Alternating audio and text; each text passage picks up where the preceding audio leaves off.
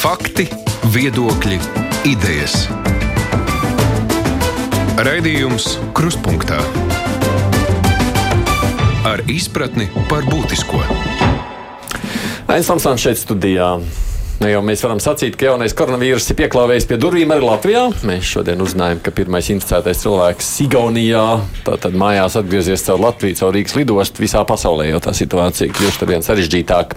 Saslimušo skaits strauji pieaug daudz vietā Eiropā, un nu, redzot, kas notiek citvietā ar iztukšotiem veikaliem, savos numuriņos ieslēgtiem turistiem, izmirušajām pilsētielām, pilnīgi noteikti ir jāsaprot, ka, nu, kas mūs iespējams sagaida kā tad mēs gatavojamies notikuma attīstībai, ar ko katram ir jārēķinās, kā vajadzētu reaģēt un rīkoties. Daudz jautājumu, uz kuriem šajā stundā gribam mēs atrast atbildes. Šeit studijā mums ir veselības ministra Ilza Viņķela. Labdien jums! Labdien. Mēs gaidām, ka mums vēl pievienosies arī kāds no ģimenes ārstiem. Es ceru, mazliet vēlāk.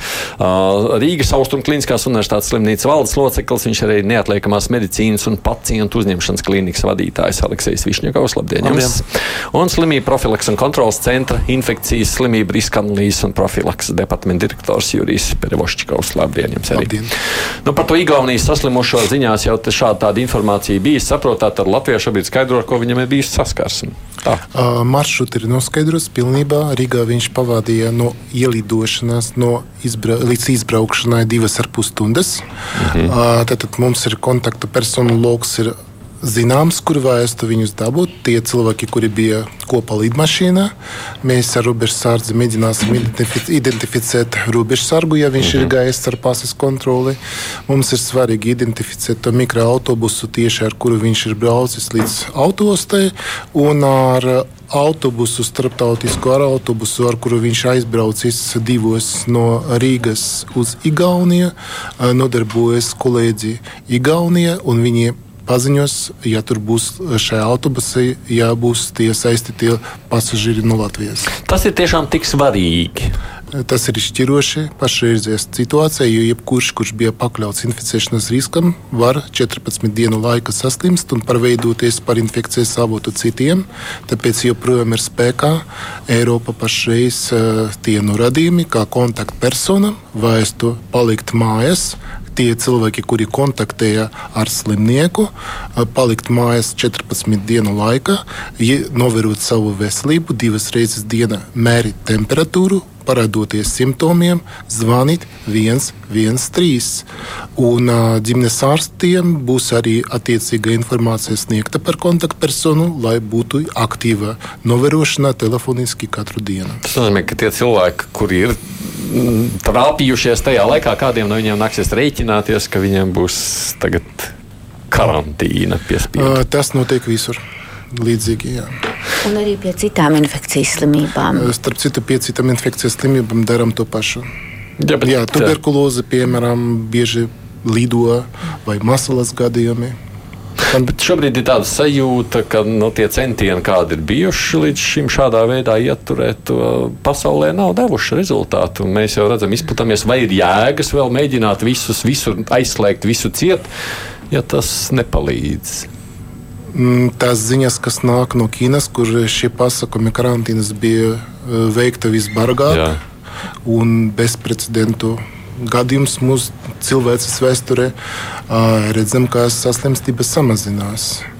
Un uh, galvenais ir novilcināt laiku pašreiz, lai, uh, ja uzdismojums būs, lai viņš nebūtu zibenīgs, lai viņš nebūtu tāds, kas var sagraut uh, sabiedrības veselības sistēmu iespējams arī šāds scenārijs? Nu, mēs redzam, kas bija Uhāņa, un tāpēc mūsu spēkos tagad izdarīt to visu maksimālo, lai novilcinātu laiku. Un eh, scenārijs ir, eh, nav prognozējams. Un to, ko darām mēs, dara visur. Eiropas Savienība tā ir koordinēta kopēja politika uz dotu brīdi, bet arī būs attiecīgas izmaiņas, jo situācija strauji, kā jūs teicat, pasliktinājās pēdējās, pēdējās nedēļas laikā. Ja līdz šim mēs uzmanīgi sekojam notikumiem Ķīnā, tagad uh, gadījumu skaits jau otru dienu ir lielāks ārpus Ķīnas. Par šiem vispārējām lietām Viņķels kundzei savukārt jautājums, nu, kā jūs saprotat, mēs visi esam sabiedrībā un tepat vien grozāmies. Cik tālu tad ir skaidrs, cik tālu mēs varam šādā veidā virzīties? Es arī braucu ar vilcienu, un es nezinu, vai es tajā brīdī ar kādu neesmu braucis. Tas nozīmē, pēkšņi man pasaka, šodien visas nākušās divas nedēļas tev jāsēž mājās, tu uz darbu vairs nākt nevar. Mēs taču nevaram aizslēgt radio, televīziju, nezinu, saimu, valdību. Nu, kur ir tā robeža? Uh, Lūk, šeit es vēlos turpināt kolēģi Perevošķiko kunga sacīto par novilcināšanu. Šeit jāsaprot, ka mēs nenovilcinām rīcību nekādā gadījumā gluži pretēji. Tik aktīva un koordinēta rīcība, kā šobrīd notiek Latvijā un ne tikai, bet Eiropā kopumā, ir bezprecedenta gadījums. Mēs novilcinām, jeb attālinām inficēta cilvēka bū, būšanu Kaitu. šeit, un nevis konstatēšanu, bet uh, būšanu šeit. Tātad, jo katru dienu mēs uh, veicot šos uh, piesardzības un profilakses pasākumus, attālinām inficēta cilvēka uh, būšanu, nevis atklāšanu Latvijā, jo mums ir lai, vairāk laika sagatavoties.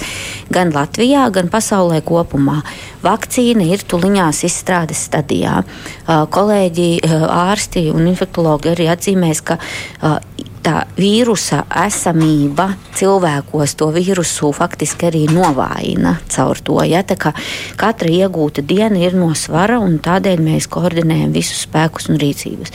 Par to, kas papildus šī brīža rīcībām ir nepieciešami. Šeit mēs dzīvojam faktiski dienu no dienas. Un nevis tādēļ, ka mums nav plāna, mums ir strikti plāni dažāda smaguma situācijai. Viens rīcības plāns ir tad, ja mēs identificējam cilvēku, kurš ir. Uh, ceļojis uz Itāliju, bijis viens un viņa kontaktpersonas nav inficētas. Tad ir viens rīcības scenārijs, kam mēs esam gatavi.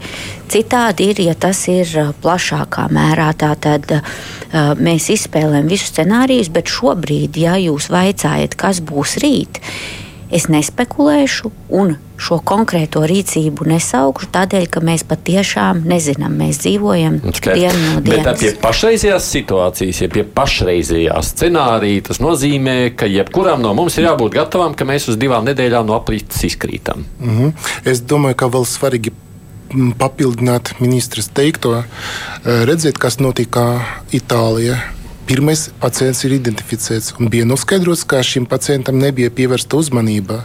Rezultātā pilsētas ir slēgtas. Tikai tāpēc, ka ar pirmo pacientu nenostrādāja. Mhm. Ja ar pirmo pacientu būtu labi nostrādāts, viņš būtu izolēts, kontaktpersonas būtu izolētas, tagad nebūtu Itālijā jāslēdz pilsētas. Mēs skatāmies uz Somijas piemēru. Jā. Viņi ļoti veiksmīgi identificēja savu pirmo pacientu. Cilvēks ir izveseļojies, vai ne? Tur jā, 45 jā. pacienti mēneša laikā bija identificēti Eiropas Savienībā tie inficēšanās ķēdes bija izsekotas, kontaktpersonas bija izsekotas, un visi šie gadījumi jau ir pabeigti un aizmirsti. Un veselu mēnesi nedēva slimība izplatīties Eiropas valstīs. Ko mēs gaidām vairāk? Vakcīnu, spēju tikt ar šo slimību galā vai karstu vasaru, kas vienkārši šo epidēmiju nometīs lejā? Visu mēs gaidām. Tas viss kopā arī jaunas ziņas, ir jauna informācija, jo slimībā daudz ko mēs jau zinām par šo infekciju, varbūt vēl daudz ko vēl uzzināsim kopā ar, jo ir ārstniecības līdzekļi, kuri pašreiz dažādas kombinācijas pielieto un ir uh, ziņojumi par to, kā jau tradicionāli zināmie zināmie līdzekļi varētu palīdzēt. Un, uh, tad, tā, tas viss dod iespēju sagatavoties vēl labāk un vēl labāk palīdzēt tiem pacientiem, kuri varētu sasniegt. Cik liela ir iespējamība, ka cilvēks nekādā veidā nu, nenojaušas to, ka viņam varētu būt bijusi saskarsme ar kādu, kurš jau ir bijis inficēts, un, protams, viņš nonāk vai nu pie ģimenes ārsta vai slimnīcā. Nu, bez aizdomām, ka te varētu būt runa par kādu jaunu koronavīrusu. Tāda pati kā ar jebkuru citu kā jebkur cilvēku. Kā tad slimnīca, jebko jūs tad kādā veidā jūs nodrošināties, ka nezinot, mēs šādā veidā varam aplipināt kaut kādā pašā uzņemšanas nodaļā vai jebkur citur. Tas tā var notikt. Tas nozīmē to, ka uh, Nezinot, nu tā, tā jau arī tās epidēmijas rodas. Jo, protams, ir noteikta gadījuma definīcija, kuru visi strikti jāsaka, ievēro, un, un pacients tiek atbilstoši iztaujāts. Vajadzīs gadījumā, ja tā ir augšējā elpceļu tiešām simptomātika, jo arī simptomātika ir zināma. Ja tā ir simptomātika, kas ir aizdomīga, tad tiek uzdoti papildus jautājumi saistībā ar iespējamu kontaktu ar kādu no cilvēkiem, kas varbūt atgriezies no šiem skartajām, šīm skartajām teritorijām. Nu, un, attiecīgi, tad uh, aizdomu gadījumos uh, pacients līdz diagnostikai tiek uh, izolēts. Kas ir tās galvenās simptomātikas, par kurām mums būtu jārunā, lai cilvēks zinātu? Uh, koronavīrusi kopumā uh, ir. Uh, viņi mīl elpceļu gļotādas. Un, tādēļ tie pamatsimptomi ir saistīti ar augšējā elpceļa infekciju varbūt mazāk vai, vai, vai gandrīz nemaz eh, nav tāds galvenais simptoms kā iesnas, piemēram, bet vairāk tā ir tāda nu, diskomforts jā, kāklā un iespējams savs tāds kairinošs klepus, kaut kādas elpošanas problēmas, elpas trūkums un tam līdzīgi. Nu, un otrs vēl varbūt arī, varbūt arī um, kuģa zarnu trakta simptomi, kā piemēram nu, caurē, jo viņš arī saistās ar, ar, ar, ar mazākā mērā bet tomēr viņš saistās ar uh, gramošanas trakta gluži. Tā var būt gan, gan, vai varētu būt tikai caurēji, piedodiet, un nekakls. Ne, varbūt gan, gan, protams, jā, bet vairāk tie tomēr apceļ simptomi. Mm. Bet koronavīrusu viņu ir daudz, un uh, arī šajā periodā, ka, kad mēs sākām aktīvi izmeklēt pacientus uz šiem augšējā apceļu uh, vīrusu saslimšanas ierosinātājiem, mēs uh, identificējām um, tiem pacientiem, protams, um, kuri, kuri vērsās vērsās ar simptomiem, ļoti dažādus arī koronavīrusa paveidus, jā, iepriekš zināmus, kas, kas arī izraisa ļoti līdzīgus simptomus, bet viņi jau ir savu ceļu no, no sikspārņiem līdz, līdz cilvēkiem ir izgājuši sen, līdz ar to viņi ir transformējušies un vairs tik ļoti strauji neizplatās. Ja, ja drīkst vēl papildināt, pirmkārt, veselības ministrijā ar atbildīgajiem dienestiem mēs nākam kopā nevienu vairs katru dienu, bet divas reizes dienā, un, ja būs nepieciešams, mm. tad to darīs tik bieži, cik nepieciešams. Vakar kārtējā no dienestu sanāksmēm galvenais infektologs Uga Dumpis izstāstīja, ka Stradiņu, Stradiņu slimnīcā jau ir ieviesta procedūra, kad īpaši vecākiem pacientiem, kas jau ir stacionēti, kas varbūt, piemēram, ar kādu no sirds vai asinsvadu slimībām, tiek aptaujāts, vai viņiem nav bijis kontakts ar viņu tuviniekiem, ar radiniekiem, bērniem, mazbērniem, kuri ir bijuši šais vīrusu skartajās zonās, kas ir ietvertas definīcijā. Līdz ar to mēs arī runājam, ka slimnīcas savās uzņemšanu, uzņemšanas nodeļu protokolos arī pievieno vienu jautājumu pacientiem, pat ja viņi stājas iekšā ar cita veida slimībām, vai viņiem ir bijis kontakts saskarē ar cilvēkiem, kas ir pēdējo 14 dienu laikā Daudz kādreiz braucot autobusā, mēs par to kontaktu tā arī nekad neuzinām. Mm -hmm. Es vienkārši papildināšu vēl šito par slimību simptomiem būtu par maz. Jo mēs visi mm -hmm. tagad slimojam, mums jā. varētu būt iesnas, klepus un tā tālāk. Protams. Tas vēl nav signāls. Jā, daudziem. nav, nav signāls rīcībai. Signāls rīcībai ir tāds, ka ir uh, epidemioloģiska saikne ar konkrētu teritoriju, kur nekontrolējami izplatās koronavīrus.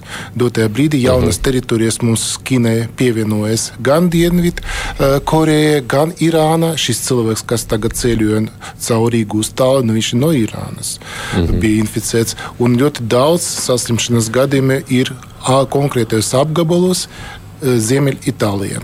Tātad tas ir otrais kriterijs, kas dod signālu veikt attiecīgu izmeklēšanu. Braucot sabiedriskajā transportā vai apmeklējot veikalus, sabiedriskas vietas, visas rekomendācijas paliek spēkā. To, ko mēs ievērojam gripas epidēmijas laikā, mums vajag to turēties vismaz divu metru attālumā no tiem cilvēkiem, kuri klepo un slimi izskatās. Mums vajadzētu pašiem, ja mums ir klēpus, padomāt par citu veselību. Ja mēs klēpojam, tad mēs e, šķaudam, mēs izmantojam vienreizu salvēti, pēc tam mēs mazgājam rokas. Ja salvētes nav, tad mēs izmantojam vismaz elkuni. Tāda veida mēs citus neinficēsim. Mums vajadzētu padomāt, cik bieži mēs pieskaramies sejai un nedomājot par to, ka pirksti var būt piesārņoti ar mikrobiem, ar vīrusiem tāpēc ka citi pacienti, citi slimnieki bija pieskarušies šiem priekšmetiem. Mums vajadzētu mazgāt rokas un nepieskarties. Ja nav ar ko mazgāt, ceļojumā vai vēl kaut kur var paņemt līdzi roku dezinfekcijas līdzekli, kurš satur simtprocentīgu spirtu un lielāku koncentrāciju. Slimiem palikt mājās, neiet, neapmeklēt darba devēja, bieži prasa, ko mēs varam izdarīt. Viena, mm. To pašu var arī izdarīt, ka slimiem palikt, varbūt strādāt distancēti. It sevišķi prasa, ko darīt ar tiem uh, pieaugušiem darbiniekiem, kuri bija skarties teritorijas. Uh, principā nekur Eiropā neierobežo viņu pārvietošanas, viņi var turpināt, bet, ja ir iespējams, tas ir papildu pasākums, kas varētu būt ieteicams arī strādāt attālināti. Nu, man te kolēģis jau saka, viņa ne klausītājs viens jau raksta, ka tā, tad viņa kolēģis ir atbraucis no. Uh, Taivanas, Taizemes, jebkurā gadījumā vietas, kur ir jau vīruss. Es, es to e-pasta esmu mazliet jau pašķīris uz priekšu. Kā vi, viņš tā kā ir satraucies, jā, viņam ir bažas, jā, kā var zināt. Ko darīt? Ziniet, ko darīt? Jā. Ko ja, kolēģim darīt? Kurš ir ko kolēģim darīt? Jā. Kolēģim darīt, nu, mēs iesakām, atgādinām šim cilvēkam droši vien, ka, ja viņš saslims, tad lai paliek mājās. Mēs taču arī redzam, ka cilvēks ir slims, mūsu mm -hmm. kolēģis vai nav slims. Man ir ļoti daudz šeit jautājumu no cilvēkiem. Es domāju, ka mums arī viņiem būs jāiziet tagad nākošajās minūtēs cauri. Tas pirmais lielais jautājums, jo lokus faktiski ir viens un tas pats. Kāpēc tad neslēdz tomēr ciet lidostā kaut kādus reisus, kāpēc mēs ļaujam braukt uz Milānu, kāpēc Air Baltica turpina lidot, kāpēc lidostā neko nedara? Kāpēc vispār dzīve turpina notikt? Jā, no tā, jā. Apmēram tā. Jā, ļoti labi daudz. saprotot cilvēku bažas. Tas, ko mēs darām, mēs diendienā nemitīgi, faktiski 24-7 režīmā sazinamies gan ar Eiropas slimību un, kā sauc, profilaktiku centru, Eiropas komisija, komisija, Eiropas komisija, Pasaules veselības organizācija. Neviena no šīm organizācijām, kas koncentrē labākos epidemiologus un infektologus, mums nav pasaulē, nevien par Latviju runājot, Latvija Par Latviju runājot, divi izcilākie cilvēki šeit, sēž šeit, un vēl pāris kolēģi strādā šobrīd savās tiešajās darba vietās. Tātad šīs starptautiskās organizācijas šobrīd koncentrē labāko no labākā ekspertīzes, neviena ieteikuma par uh, satiksmes ierobežojumiem. Ir ļoti strikti ieteikumi, kā patiešām identificēt kontaktpersonas un kā viņas pēc tam uzrunāt dzīves vietās un, un kā ar tām strādāt bet neviena ieteikuma ierobežot satiksmi. Un pateikšu, kādēļ.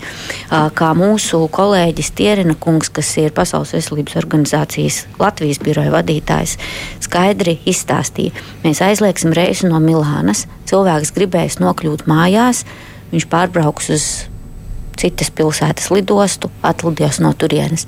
Viņš nevarēs tur, viņš noīrēs auto, aizbrauks līdz uh, citai valstī, iesēdīsies lidmašīnā, atbrauks šurp. Mēs aizslēgsim arī tos reisus. Viņi atbrauks ar vilcienu, mēs aizslēgsim to. Līdz ar to to var turpināt uh, be, bezgalīgi. Uh, ne, nenoliedzot arī nepieciešamību cilvēkiem sniegt šo pārliecību un informāciju galvenokārt par to, ka pasākumi notiek lidostā. Uh, muitni, uh, robežsargi ir apmācīti un trenēti atpazīt uh, izteiktas slimības uh, pazīmes, uh, īpaši, ja tas nāk no reisiem, kur ir arī pasu kontrole, un jūs varat arī vīzā redzēt, ka cilvēks ir atbraucis, piemēram, no Ķīnas, nekavējoties protokols sauc 113, NMPD brigāde atbrauc cilvēku aizved. Līdz ar to mēs šobrīd ļoti smalki ne tikai Latvijā, bet pasaulē balansējam tos pasākumus, kas ir pierādījumos balstīti un efektīvi ar izmaksām. Ja? Jo, ja mēs skatāmies tālāk, cik tie resursi ir kopā, jau tagad mēs redzam, aizsargtērpi trūkst. pasaulē, ne jau Latvijā. Tātad mums tos vajadzēs, mums ir ļoti apdomīgi jābalansē tas, lai būtu gan drošība, gan arī saprātīga. Nu, saprātīga resursu vadība, pieļaujot, ka tos vajadzēs ilgāku laiku. Mm -hmm. Taram tā es atgādinu šeit, kas mums ir studijā. Tātad, uh, Ilza Viņķela ir veselības ministre, Aleksis Višņakovs pārstāv Rīgas Austrum Kliniskās universitātes slimnīcu un Jurijs Perevošķikovs slimību profilaks un kontrolas centru. Klausītājiem daudz jautājumu, tāpēc ar tiem turpinām. Raidījums Krustpunktā. Sākšu ar Gunteru, kurš pirmais arī uzrakstīja, lūdzu, speciālistiem uzdot šādu jautājumu. Es esmu mazais uzņēmējs izmitināšanas jomā vienā kurzemes pilsētā. Pie mums nu nav lielā skaitā, bet regulāri nakšņo viesi no Itālijas, Spānijas, Francijas, arī pa kādam ķīnietim. Ar sakot, geogrāfija plaša. Ko mums darīt? Es patiešām nopietni apsveru iespēju atteikt rezervācijas itāļiem, ķīniešiem un tam līdzīgi, saprotot, nu, ka cilvēki jau nezina, ka viņi varētu būt slims. Nu, tur, nu, tur viss tas pārējais. Ja? Kā rīkoties? Tā ir tāda tuvredzīga rīcība. Nu, Ko darīt cilvēkam? Mēs daļīgi jau šeit runājam par to jautājumu. Tas, zināmā mērā, parklājas ar robežu slēgšanu, jo šodien mums ir Itālija un Irāna. Mums varētu būt līnija, parādīsies vēl desmit valstis. Līdz ar to šeit ir uh, svarīgākais veids, kā šajā gadījumā rīkoties. Viņi var ārzemju turistiem piedāvāt mūsu, nu, mūsu mājaslapas skrejlapu, tādu informācijas lapu par to, ka, ja jūs apmeklējat vai jūs bijat tur vai vairākas valodas attiecīgajā teritorijā un jums parādās šie kliniskie simptomi, ja viņš ir slims, viņam būtu skaidri jāzina, ka jāzvanā 113. Bet tas ir labākais. Tā nav parādījušies cilvēkiem jau viņš, kamēr viņš... nav simptomi, viņš uh, maz pierādījumu par to, ka viņš būtu ļoti Lipīgs, bīstams ja? mm. epidemiologiska ziņa. Ja viņš redz, ka šis cilvēks ir atbraucis no Irānas, viņam izskatās temperatūra, viņš klepu, viņš arī var šādu veidu uh, pa, pastimulēt šo procesu. Mm, okay. Zvans, Jā, lūdzu. Labdien! Labdien. Nu, izskatās, ka mēs atkal neesam bijuši gatavi. Ja Rīgas lidostā būtu izmērīta ielidušajiem temperatūra, tiem, kas ielido, tad tas biedrs slimais līdz autobusam un Igaunijai nemaz nebūtu nonācis. Un Igauni tagad mums var piestādīt rēķinu par nolaidību, vai par to kādam nav jāatbild. Nu, teikts, ka viņam ielidojot ir bijusi temperatūra. Itāļi mērīja. Pakomentēšu jā. šo jā, temperatūras. Jā, jo ir valstīs, kur to dara. Itālijā jā, darīja. tas ir, tas ir ļoti, nu, jāsaka tā, tas ir populistisks, tāds demonstratīvs kaut kāds paņēmiens, kā mēģināt nomierināt sabiedrību, ka mums viss ir kārtībā. Pirmkārt, nav teikts, ka cilvēkam temperatūra ielidojot bija. Uh, Otrakārt, uh, tā temperatūra var būt cilvēkam paaugstināta. Temperatūra var būt uh, ļoti daudzu citu iemeslu dēļ, un ne tikai vīrusu saslimšanas. Un, uh, tā uh, cilvēks var būt slims, būt piemēram ar onkoloģisku slimību, kuram visu laiku ir paaugstināta temperatūra. Vai mēs tiešām domājam, ka mēs visus šos uh, cilvēkus uh, kaut kādā veidā varam um, aizturēt un piespiedu kārtā izmeklēt. Uh, ir pierādījies tas, ka tas ir pilnīgi neefektīvi tā iemesla dēļ, ka uh, vīrusu nesātājs un teiksim, varbūt arī asimptomātisks. Tas būtu viens, otrs, kad eh, no otras puses, ja, eh, kad izmaksas, kas būtu eh, nepieciešamas, lai visu šo ir jābūt tālākai rīcībai. Nepietiek jau vienkārši izmērīt temperatūru, ir jābūt tālākai rīcībai. Un tas plāns būtu tāds, ka tad mēs viņus visus izmeklējam uz, uz, uz visām vīrusu infekcijām. Jautājums, kurš to maksā? Vai tas cilvēks, kurš ne pie kā nav vainīgs, vai, vai par to maksā Latvijas valsts, par Irānas pilsoni, kurš tranzītā brauc?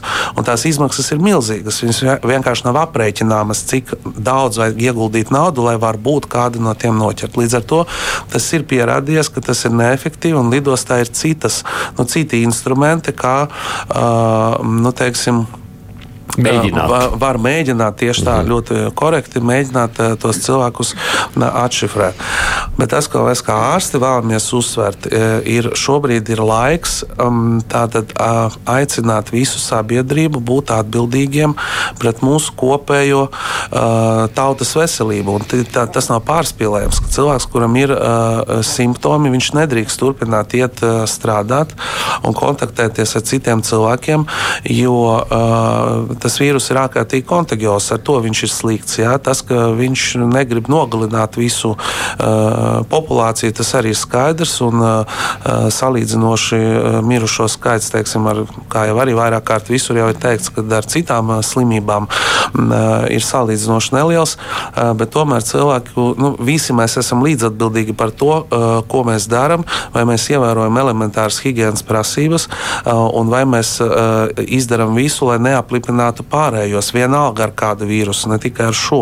Un uh, šeit vienkārši jābūt maksimāli piesardzīgiem un, un jāievēro gan pašiem, gan jāmāca bērni, ievērot personīgā higiēna, uh, regulāri mazgāt un apstrādāt ar dezlīdzekļiem rokas un tā tālāk. Un tas ir tas efektīvākais, kas ir. Un, protams, ka ja, ja katram Eh, arī uz epidemiologu jautājumiem katram ir tiesības atbildēt noraidoši un um, neizpaust šo informāciju, ka viņš ir bijis piemēram tajā Itālijā, tajā skartajā zonā, vai viņš ir ar kādu kontaktējies, un par to nu, viņu nesoda neviens. Ja? Eh, līdz ar to mēs tomēr vairāk vēlētos aicināt visus būt uzmanīgiem un arī dalīties ar šo informāciju, lai mēs varam apturēt vīrusu izplatību. Tas arī ir viss.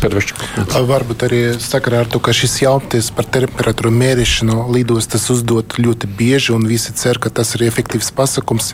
Neviena reize iepriekšējās epidēmijas, pandēmiskā gripā, SARS nevienu reizi nepierādīja, ka kaut viens būtu īstais pacients, būtu noķerts uh, tieši lid, lidostā. Mm. Tie pacienti, kas līdz šim bija uh, identificēti Eiropas Savienībā, ceļojuma laikā viņi bija veseli. Kāpēc 14 dienas inkubācijas periods? Ja mēs šodien pārbaudījām, tas nenozīmē, ka turpmākās nedēļas vai pusotras nedēļas laikā šim cilvēkam cilvēkam neparādīsies. Mums veidojas viltus sajūta, ka mēs pasargāti, ko mēs redzam atkal Itālijas piemērs. Vienā ļoti mazs valstis, kuras veica šo temperatūras mērīšanu, viņi veica, un rezultāts to, ko mēs mm. redzam tagad. Okay. Uh, jā, pacelšu klausulu. Halo! Labdien! Labdien.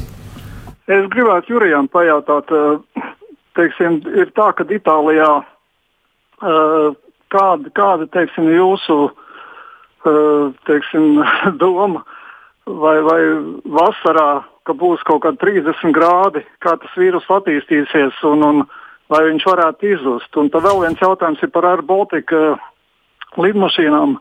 Viņas, teiksim, lido ne tikai uz uh, Itāliju, bet varbūt nākamā dienā kaut kur citur, un vai ir stūrtiem un apkalpošam personālam kaut kāda kontroli, teiksim, jo tāpat tās varbūt tas uh, personāls ieiet Itālijā kaut kādā kafejnīcā un pēc tam, nu, jūs saprotat. Mm -hmm. Par vasaras ietekmi. Uh, jā, bieži vien cilvēki runā, ka varbūt šai slimībai ir sezonalitāte. Gripai ir, citām vīrusu infekcijām ir šī ja slimība jauna, un neviens uz šo jautājumu neatbildēs. Dažreiz runa par to varbūt būs karsts karsta temperatūra ietekmēs šo vīrusu, bet viņš e, ļoti labi dzīvo pie cilvēka ķermeņa temperatūras. Mums 36 un 6. Mēs, esam, mēs varam inficēties un izslimot. Šobrīd, Tātad šobrīd mūsu arī 36, jā, nav traucējis. Mūsu ķermeņa temperatūra neietekmē šo vīrusu nogalināšanu. Tas ir kaut kas cits. Jā, bet par lidmašīnām un par pārējiem, protams, es pilnībā piekrītu, ka pašreizējā situācija, jo katru dienu mēs saņemam signālus par to, ka uh, jau vairāk nekā desmit desmit valstis, kur no Itālijas vai no īrijas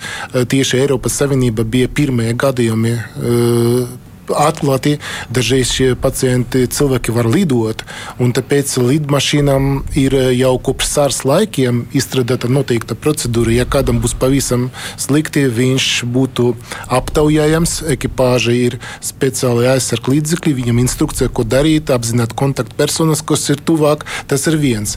Bet otrais, ka, nu, protams, pastiprināt uh, uzkopšanu šai lidmašīnai vajadzētu. Uh, vajadzētu pielietot parastus dezinfekcijas līdzekļus, parastajās koncentrācijās. Uh, tas ir diezgan efektīvi. 5 mm. minūtes ar parasto sadzīves balinātāju un vīrusu, tāds virsmas, kuram cilvēki pieskaras. Un, uh, līdz ar to tā lidmašīna būs atbrīvota nākamajam reisam.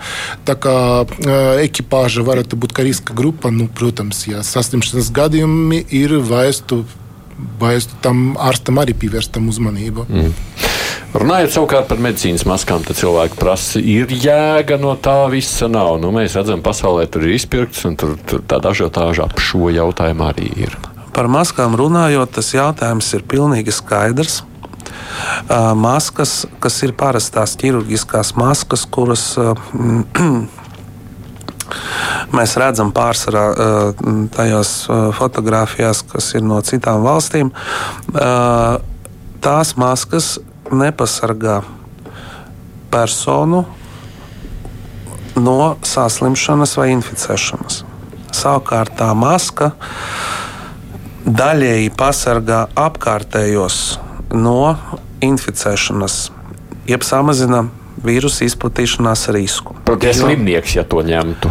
Cilvēks ar simptomiem, jā, mm -hmm. kurš uh, ar, tā ir uh, piliena infekcija, jā, klasiska piliena infekcija. Tātad runājot, uh, klepojot, šķaudot ar, ar uh, pilieniem, kas nāk no apceļiem, vīrusi izdalās uz ārējo vidi. Līdz ar to maska, nu, ja mēs ar jums runātu un man būtu maska, tad varbūtība, ka es izdalu šo vīrusu uz ārējo vidi, ir salīdzinoši neliela, bet arī nav simtprocentīgi. Līdz ar to cilvēks, kurš velk to masku, viņš um, nepasargā sevi no no iespējamās saslimšanas, jo gļotādas, arī acu gļotādas var būt ieejas avots šai vīrusu infekcijai. Tādēļ uh, netiek uzskatīts, ka masku vilkšana būtu efektīvs veids, kā sevi pasargāt. Nu, uh, vienīgais, kas, ko arī ārstniecības personas lieto, tas ir tie speciālie respiratori ar attiecīgiem filtriem, uh, kuru to drošības pakāpi atkal nosaka Pasaules veselības organizācijas rekomendācijas, un ko mēs arī ievērojam.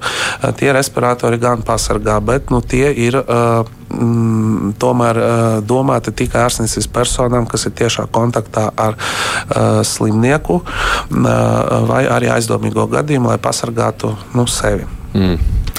Pacelšu klausulu. Halo! Labdien! Labdien. Vai Ziemeļkorejā arī ir kāds saslimušais? Mēs visi zinām, ka Ziemeļkoreja ir par valsti, Un tomēr varbūt vajadzēja ķerties pie galējiem pasākumiem, tomēr neielaist vai vismaz ierobežot tādus cilvēkus, kas liekas, ka no tām valstīm brauc, kur jau izplatās koronavīrus, ierobežot to visu. Paldies, uz redzēšanos. Ziemeļkoreja aizslēdz savu robežu, to mēs zinām vienu no pirmajiem. Kā viņi pirms tam būtu baigi atvērt? pol politiskais režīms uh, nepasargā uh, no slimību izplatīšanas. Mm. Ne no kādas, ne no infekciju, ne no garīgām. Ja. Uh, režīms ne autoritatīvi, ne autoritāri, ne di diktatūras, diemžēl. Vīrusi kāpi pāri jebkuram politiskam režīmam. Cik bīstams šis vīrus ir maziem bērniem, zīdaiņiem, grūtniecēm? Ir jums kāda informācija šajā jomā? Lielākais pētījums, kas bija veikts, 72,000 pacienti bija izanalizēti. To izdarīja Ķīnas veselības ministrijai, tāpēc ka viņam katrs pacients ar vairākiem indikatoriem piefiksēts sistēmā izcili. Mm -hmm. Tātad tur, protams, bija bērni, bet bērnu skaits mazs, slimības gaita praktiski bez komplikācijām, vai šie cipari atspoguļo reāli inficētu skaitu, mēs nezinām. Tāpēc, ka ir arī ar ļoti nenozīmīgu klinisku ainu varētu būt tie pacienti, kuri nevēršas pēc palīdzības.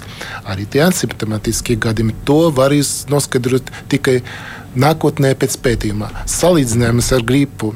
Izskatās, ka mums ar gripu slimo vecie cilvēki, tāpēc ka viņi slimo smagi un viņi hospitalizējami, bet īstenībā daudz vairāk, daudz, daudz vairāk un biežāk slimo bērni. Vienkārši sekas mazākas. Sekas mazākas un viņi tā kā izslimo mājas nedēļas laikā. Um, droši vien šis jautājums savukārt ir veselības ministrei. Mēs redzam, mm, taisnības ir pats vakar skatījos Itālijā izpirktie veikali un cilvēki pukojās, sakot, ka pirms otrā pasaules kara nebija tāds, tāda ažiotāža. Cik mēs esam gatavi Latvijā, nu, cik vispār šis jautājums cilvēkiem, nu, ja tu divas nedēļas nevar iet ārā, sagādāts laicīgi. Pārtiku. Ņemšu par piemēru kaimiņus lietuviešus. Vakar visai plaši izskanēja ziņa, ka Lietuvas valdība ir izsludinājusi ārkārtas situāciju, un tā daļa mūsu sabiedrības reakcijas bija redz, kā viņi rūpējas par savējiem. Mēs nē. Šis ir gadījums, kad mēs esam labāki nekā lietuvieši, jo viņiem ārkārtas stāvoklis bija jāsludina tādēļ, lai izdarītu to, ko mēs darām dien dienā, kas ir veselības ministrijas kompetence, koordinēt dienestus. Kādēļ šis ievads? Tādēļ, ka mums ir krīzes tāda padome, kuru mēs varam sasaukt stundas laikā un lemt par visu nepieciešamo, cik plaša karantīna vai ir ārkārtas stāvoklis, kas ļauj piekļuvi arī valsts rezervēm. Uh, jā, un šeit atkal, uh, un tad tā koordinācija pāriet jau šī krīzes vadības centra rokās. Mēs atbildam par to, ko mēs protam un zinām vislabāk, proti visu, kas ir saistīts ar slimības izplatīšanu, savukārt apgādi, veikalus, bankomātus. To dara tie cilvēki, kas to prot vislabāk. Proti, tā ir ekonomikas ministrijas atbildība. Bet vēlos uzsvērt, ka šāds rīcības plāns ir. Tiek veiktas arī regulāras mācības slimības. Nu, pat tās vasarā arī bija, e, kur e, tieši e, visa veida apgādes, tad problēmas arī ir, ir scenāriji, ko darīt šajos gadījumos. Civilās aizsardzības mehānisms. Jā, plāns. Jā. Mhm. Bet cilvēkiem vajag kaut kādu pārtiku iepirkt. Nu, es nu, zināt, ja man uz divu nedēļu atslēdz no sabiedrības, tāpēc, ka es esmu trāpījies vienā autobusā ar kādu. I Šeit gan arī tās ziņas no Itālijas. Protams, ka medijiem patīk dramatiskas bildes un tukši plaukti, bet klausoties arī mūsu pašu pilsoņus, kas Latvijā ir vai bija viena basketbolista Venecijā vai doktors Vētra Milānā, viņi no tās pieredzes savas ikdienas stāsta, kā Venecijā, piemēram, cilvēku atgriešanās ielās un veikalu nodrošinājums tuvojoties mm. atpakaļ normālai dzīvē.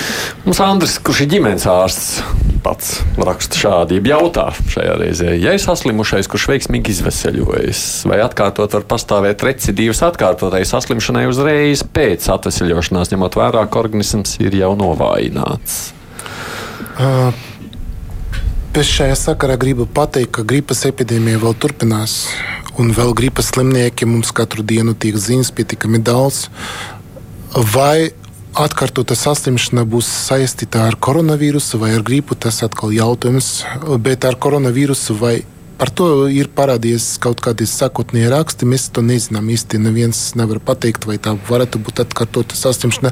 Recidīvi visticamāk varētu būt saistīti ar to, ar mm, to ka kaut kādi iekšēji organi bija bojāti ja pie smagām saslimšanām. Bet vai imunitāte veidojas, to mēs nezinām. Šobrīd. To vēl nevar pateikt. Parasti ar vīrusu infekcijas slimībām uz 99% cilvēki pārslimot ar attiecīgu vīrusu vairs neslimo. Vai varētu būt kaut kāds izņēmums? mums šeit, kā HIV infekcija, to vēl nezinām.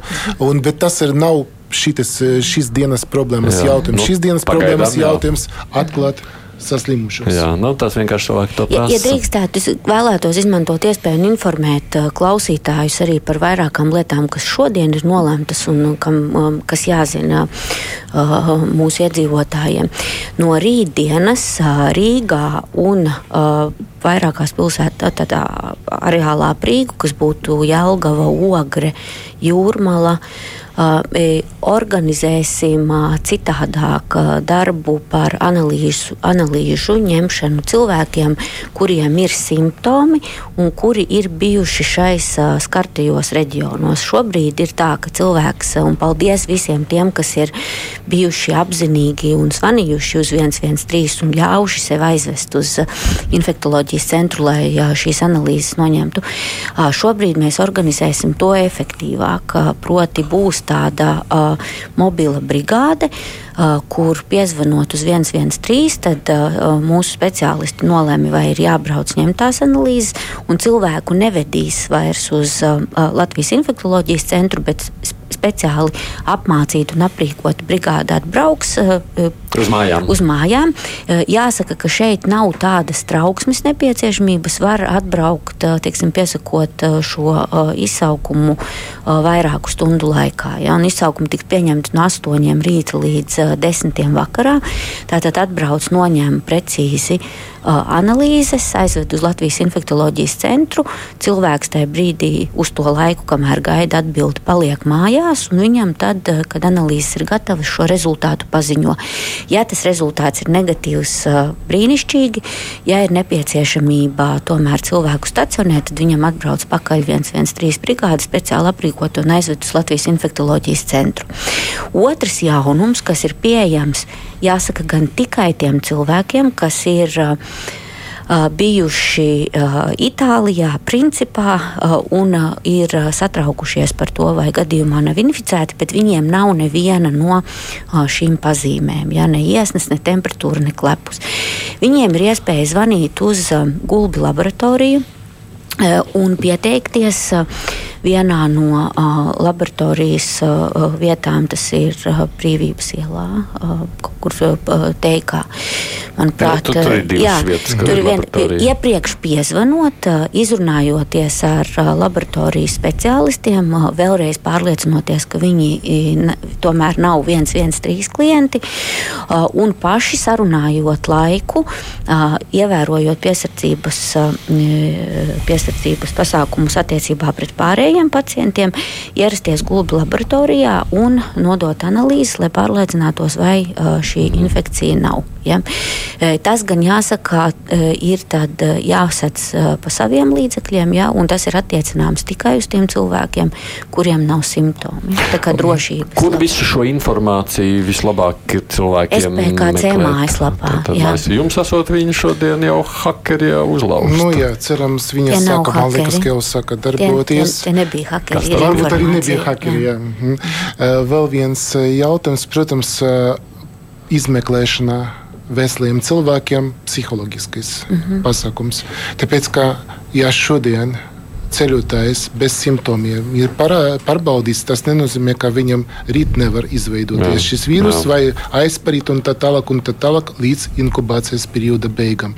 Tāpēc, ja cilvēks pieņems tādu lēmumu, viņa vajadzētu ļoti skaidri zināt, ka paša novērošana turpinās 14 dienu laika. Un tiklīdz parādīsies simptomi, neraugoties uz to, kā bija negatīvā atbildē, tik un tā vērstu būs zvanīt 113. Un, lai arī pareizi saprastu, ka nav tā kā nevienu nehospitalizēs vairs. Ja būs smags kliniskais stāvoklis, noteikti šiem cilvēkiem palīdzēs tieši slimnīcā. Jautājums, ņemot vērā to, ka sociālajos tīklos plaši izplatās, es domāju, vietā Grudulas kundze prasa, vai taisnība, ka alkohols pasargā. Šī informācija diezgan plaši šobrīd iet pa Facebook, sakot, uh, cerībā uz alkoholu kā tādu profilaktisku līdzekli. Nu, domāju, ka tas ir saistīts ar to, ka mēs pieminējam alkoholu roku dezinfekcijas vai priekšmetu dezinfekcijas nolūkā. Uz priekšmetiem palīdz, uz rokām alkohols 70% un vairāk palīdz. Uh, nekāda iekšējā lietošana šajā gadījumā palīdzēt nevar, tāpēc ka vīrus iebūvējas epiteļs šūna genomā savairojas kā tāda maza fabrika, kura ražo līdzīgos, līdzīgos vīrusu daļiņas, un alkohols šajā lietā neko nevar izdarīt. Viņš vēl pastāv. Man varbūt cilvēku var nomierināt psiholoģisku uz kādu stundu, ir, mm. bet pēc tam nekādas efektivitātes okay.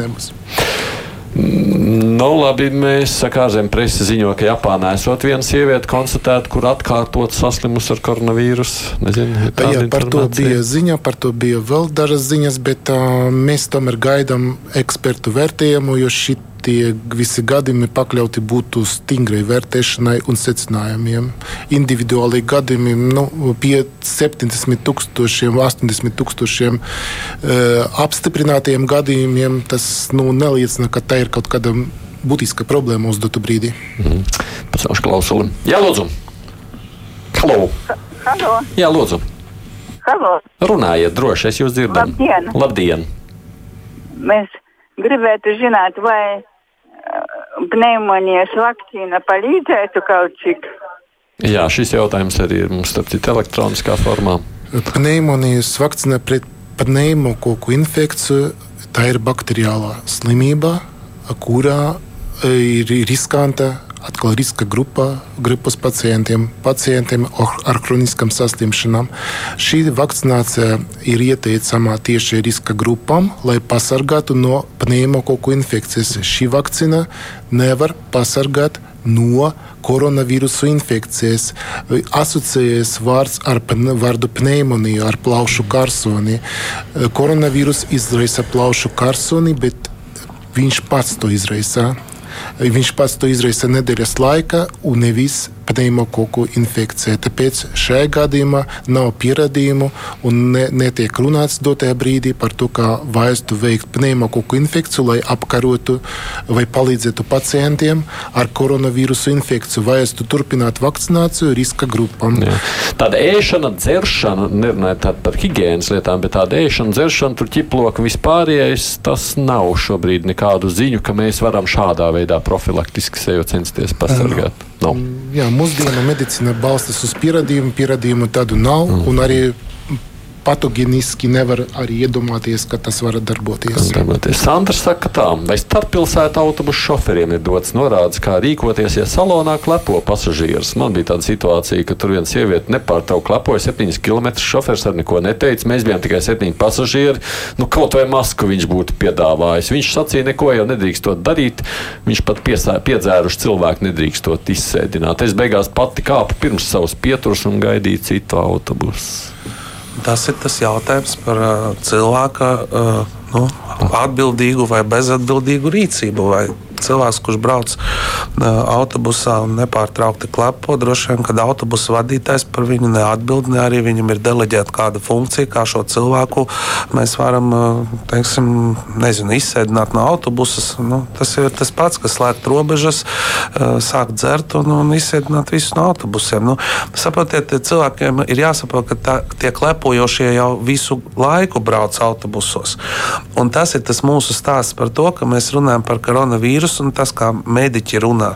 Un tā pašā sabiedriskā transportā klepojošs cilvēks var aplipināt visu autobusu ar tuberkulozi kas ir daudz mm, bīstamāka, smagāka un ar daudzām sekām. Līdz ar to tas nav labi, ka cilvēks braucis un klepojas. Un droši vien, ka ne, pirmkārt nevajadzētu iet mājā, no mājām ārā, bet, nu, ja tāda galēja vajadzība ir pārvietoties ar uh, sabiedrisko transportu, tad tomēr vajadzētu arī to masku viņai pašai arī uzlikt. Nu, tā prasās tiesības pēc citiem pasažieriem kaut kā reaģēt uz to. Es saprotu no klausītājiem. Protams, jā. es pēdējo zvanu uzklausām, un tad apaļosimies. Halo! Lūdzu! Halo! Nerunāsiet! Es dzirdu tikai kaut kādu fonu tajā visā. Mēģinu par pirti prasu, vai tur var kaut kas līdzēt karstums. Tādā ziņā pirts karstums nepalīdz. Arī nav ziņa. Nē, nu, tas nav izpētīts šis jautājums. Mm -hmm. Mēģinot tagad nopaļot, nu, salikt kopā, mums ir kādas minūtes, piecas, lai mēs izveidotu tādu kopīgu ainu. Kas tad tālāk notiek? Šobrīd jūs sakāt, jūs visu laiku sanākat divreiz dienā, lemjot par tālāko rīcību. Mēs sanākam nevis sanākšanas pēc, bet vērtējot situāciju nevien Latvijā, bet arī pasaulē un uzlabojot, papildinot vai mainot tās rīcības, kas ir šobrīd, kā jau minēju, pieaugot izsaukumu skaitam tiem cilvēkiem, kuriem ir jāveic analīzes, kas ir absolūti kritiski svarīgi, lai mēs izķeram, lai mēs identificējam laiku šo pirmo inficēto cilvēku. Mēs pār esam pieņēmuši lēmumu efektivitātes dēļ netrankāt vairs visu lielo NMPD brigādi, nevilkt cilvēku uz slimnīcu un vest atpakaļ, bet uh, izveidot šo mobīlo brigādi. Nākamais solis uh, līdzīgu risinājumu mums ir jāatrod uh, reģionos. Ja? Līdz ar to uh, mēs reaģējam uh, katru uh, brīdi, vairākas reizes dienā. Reizēm to iedzīvotāji neredz. Ir tāda sarkastiska ironija par to, ka mums ir scenāriji, jā, mums ir scenāriji. Tie ir ar konkrētām rīcībām piepildīti. Mums arī ir iespēja, es tā, tā centīšos īsi un korekti, kad, ka kādā brīdī pieņemsim, kad viesnīca tiek aizslēgta un viss tur paliek uz divām nedēļām. Kāds notiek, mēs redzam, Austrijā, Itālijā, Spānijā. Arī šādi scenāriji, eh, arī šād, šād, šāds notikums ir ir. iespējams. Mm -hmm. Mēs arī apspriežam, te, teiksim, ja uh, gadījumu skaits ir liels, ir skaidrs, ka jāpārreorganizē, ir uh, slimnīcu uzņemšana darbs.